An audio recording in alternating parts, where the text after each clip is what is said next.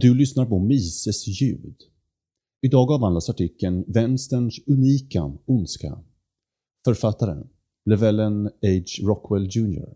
Svensk översättning av Joakim Kempen publicerades på mises.se 22 augusti 2016. Inläsare Magnus hälsar dig välkommen. Är det för mycket att hävda att vänstern, sedan den franska revolutionen, har varit och fortsätter att vara skyldig till nästan all politisk ondska. Det kan inte råda något tvivel om att stor grymhet och våld kan användas och har använts med syfte att bevara den rådande ordningen. Men även det avlägsna förflutnas allra värsta ohyggligheter förminskas till en liten punkt i jämförelse med vänsterns totalitära revolutioner och 1900-talets totala krig. Som Joe Sobran sa nådde hela den spanska inkvisitionens historia endast upp till samma nivå som kommunisterna klarade av på en vanlig eftermiddag. Den franska revolutionen, och särskilt dess radikala fas, var den klassiska manifestationen av den moderna vänstern och tog sig som en modell för ännu mer radikala revolutioner över hela världen mer än hundra år senare.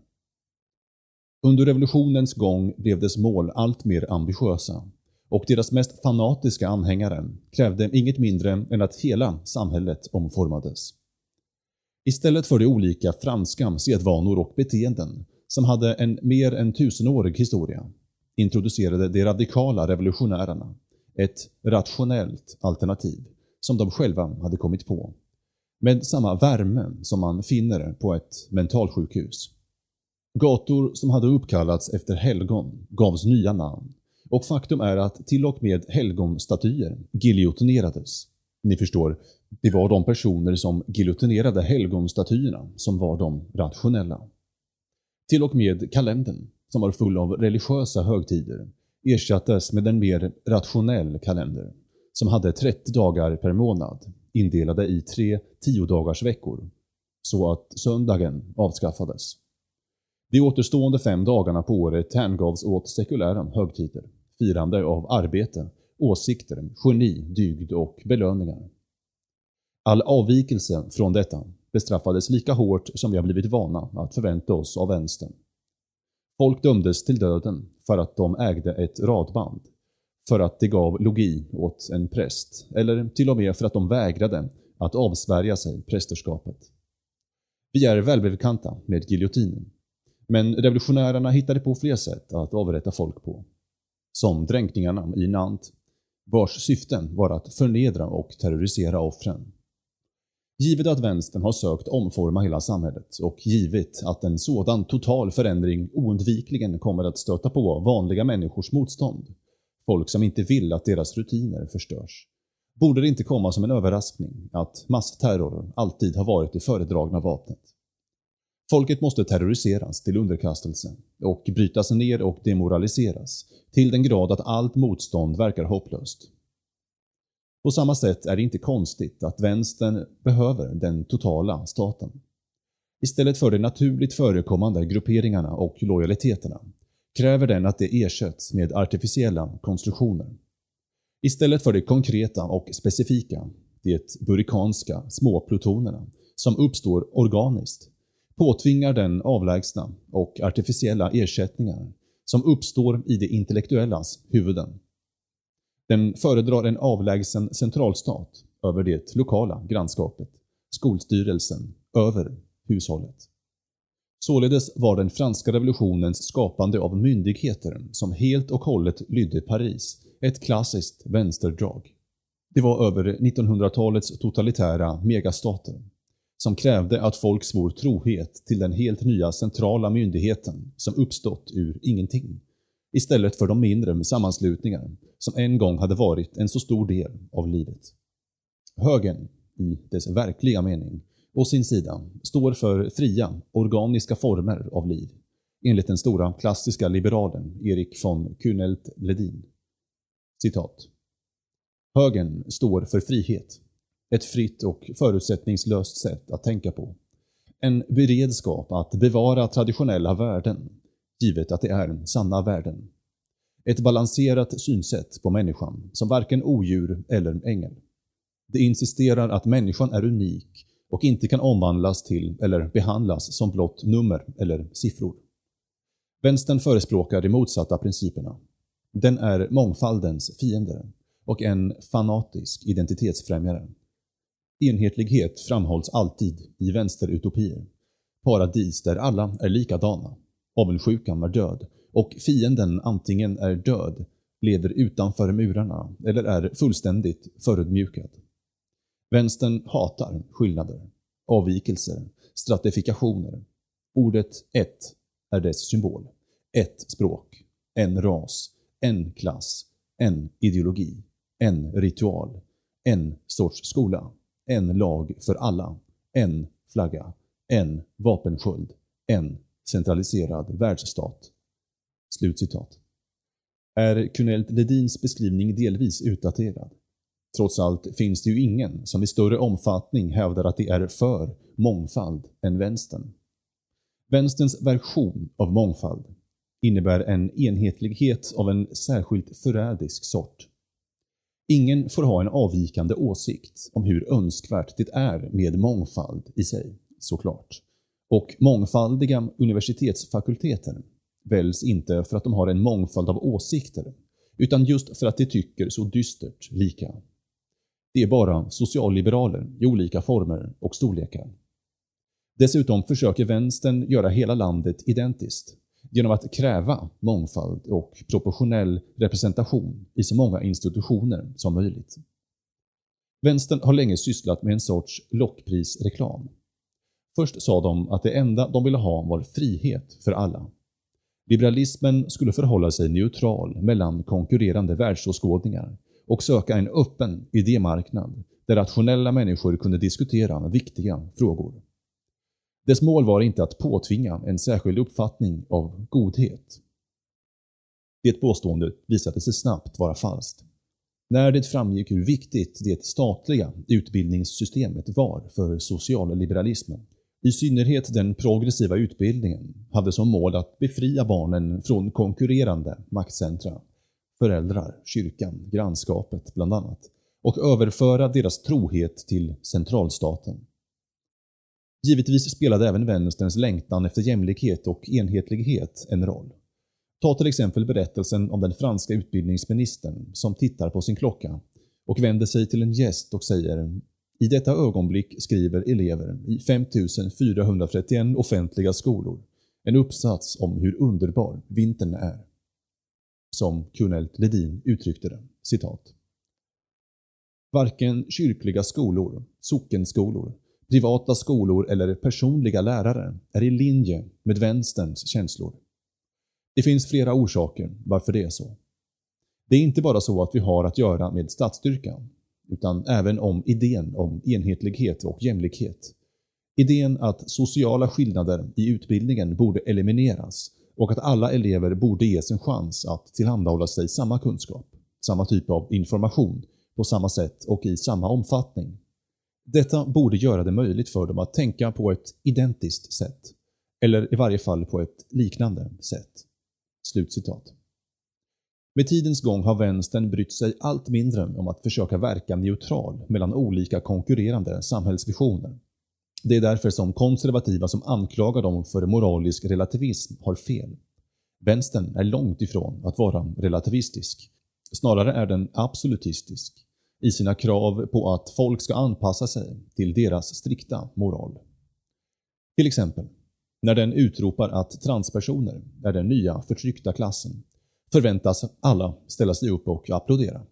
Socialliberaler argumenterar inte att stöd för transpersoner kan vara en bra idé för vissa, men dåligt för andra. Om det vore moraliska relativister skulle de säga just detta. Men det är de inte, så de säger inte det. Det handlar dessutom inte enbart om att ingen får tycka annorlunda. Meningsskiljaktigheter får aldrig erkännas. Det som sker är inte att förbrytaren debatteras tills ett tillfredsställande avslut nåtts. Han utesluts helt enkelt bara ur samhället. Det kan inte finnas någon åsikt utöver de åsikter som vänstern bestämt får finnas. Det är sant att vänstern inte låter ett ögonblick passera utan att påminna oss om den toleranta, icke-dömande millenniegenerationen som denna trångsynta värld kan lära sig så mycket av. Har jag då fel när jag säger att vänstern, och särskilt den yngre vänstern, är intolerant? Faktum är att vi bevittnar den minst toleranta generationen i färsk minne. Statsvetaren April Keller Westner har studerat millenniegenerationens åsikter och har kommit fram till något väldigt avslöjande. Om man baserar hur tolerant en person är på hur väl han behandlar det som inte håller med, en uppenbart rimlig ståndpunkt, klarar sig millenniegenerationen väldigt dåligt. Ja, visst visar millenniegenerationen stor medkänsla för de officiella offergrupperna vars kamp de ständigt får höra om i skolan och i filmer. Det är ingen bedrift, eftersom de redan håller med dessa människor. Hur behandlar de och vad tycker de om personer som inte håller med? En snabb titt på social media eller på ett utbrott av någon socialliberal på ett universitet ger oss svaret. Apropå det, kan någon ge mig namnet på den senaste socialliberala talaren som skreks till tystnad på ett universitet? Nej, just det. Det finns ingen, eftersom det aldrig händer. Om det faktiskt hade skett kan du vara säker på att det skulle ältas i oändlighet. Å andra sidan, socialliberaler som terroriserar sina ideologiska motståndare är bara trogna Herbert Mancus mandat. Mancus som på 1960-talet argumenterade för att yttrandefriheten borde begränsas för den antiprogressiva rörelsen. Citat. Sådan diskriminering skulle alltså användas mot rörelser som motsatte sig en utbredning av social lagstiftning rörande de fattiga, svaga, handikappade. Som svar på de elakartade fördömanden om att en sådan politik skulle göra sig kvitt med den heliga liberalistiska principen om jämlikhet för den andra sidan, menar jag att det finns frågor där det inte finns någon andra sidan, annat än i ett formellt avseende, eller där den andra sidan är tydligt regressiv och förhindrar en möjlig förbättring av det mänskliga tillståndet. Att tolerera inhuman propaganda fördärvar inte bara liberalismen, utan all progressiv politisk filosofi.” Slutcitat. Till och med mycket av det som kallas konservatism idag är nedsmutsat av vänstern. Det är säkerligen fallet med det neokonservativa. Skulle du kunna föreställa dig att Edmund Burke, som gett upphov till den moderna konservatismen, skulle stödja idén om att sprida mänskliga rättigheter med hjälp av militärmakten? Prata med neokonservativa om decentralisation, secession, nullifikation och du skulle få exakt samma svar som en socialliberal skulle ge på MSNBC. Föreställ dig nu följande invändning mot det jag sagt. Vad än vi må säga om vänsterns brott och terror kan vi inte överse högerns totalitarism, främst manifesterad i Nazityskland. Men faktum är att nazismen är en vänsterideologi det tyska arbetarpartiet i Österrike, nazisternas föregångare, utropade 1904 citat “Vi är ett frihetsälskande, nationalistiskt parti som energiskt kämpar mot reaktionära tendenser likväl som feodala, kyrkliga eller kapitalistiska privilegier och utländskt inflytande.” Slutcitat. När partiet blev det nationalsocialistiska tyska arbetarpartiet, eller nazisterna, innehöll deras program följande. Citat. Det nationalsocialistiska tyska arbetarpartiet är inte ett arbetarparti i den snävaste meningen. Det representerar allt hedligt arbetes intresse. Det är ett frihetsälskande och strikt nationalistiskt parti och slåss således mot alla reaktionära trender, mot kyrkliga, aristokratiska och kapitalistiska privilegier och allt utländskt inflytande. Men framför allt mot det överväldigande inflytandet som den judiska köpmannamentaliteten har på allt offentligt liv. Det kräver att alla europeiska regioner som befolkas av tyskar ska slås samman till ett demokratiskt, socialt, tyskt rike. Det kräver folkomröstningar för alla rikets, staters och provinsers nyckellagar. Det kräver att de judiska bankirernas inflytande över affärslivet stoppas och att en nationell folkbank med en demokratisk administration skapas.” Slutcitat. Gunnel Ledin skrev att detta program citat doftade av utjämnande socialliberalism. Det var demokratiskt. Det var anti-Habsburg. Det krävde att den habsburgska monarkin skulle förstöras till fördel för det pangermanska programmet. Den var emot alla impopulära minoriteter, en attityd som gör alla vänsterideologier magnetiska.” Slutcitat. Vänsterns besatthet av jämlikhet och utjämning innebär att staten måste nästla sig in i arbetsmarknaden, finansmarknaden, skolväsendet, privata klubbar, ja i princip alla det civila samhällets vrån. I mångfaldens namn måste alla institutioner se exakt likadana ut som alla andra. Vänstern kan aldrig vara nöjd eftersom de tror på en permanent revolution med mål att nå onåbara mål som jämlikhet. Folk med olika färdigheter och begåvningar kommer att erhålla olika belöningar, vilket betyder att man konstant måste intervenera i det civila samhället. Vidare försvinner jämlikhet direkt när folk fritt börjar byta pengar för de varor de vill ha. Återigen måste staten lägga sig i allt, hela tiden. Vidare underminerar och hånar varje ny generation liberaler de saker som de tidigare generationerna tog för givet. Revolutionen fortsätter oavkortat. Socialliberalismen leder kort sagt till en permanent revolution av en särskilt antilibertariansk sort. Den är inte bara antilibertariansk, den är antimänsklig. Och ändå riktas allt hat idag åt höger. Givetvis är det så att libertarianer inte hör hemma varken på vänster eller högerkanten, så som det traditionellt har förståtts. Men idén om att båda sidorna är lika hemska, eller innebär samma hot mot friheten, är enfaldigt och destruktivt nonsens.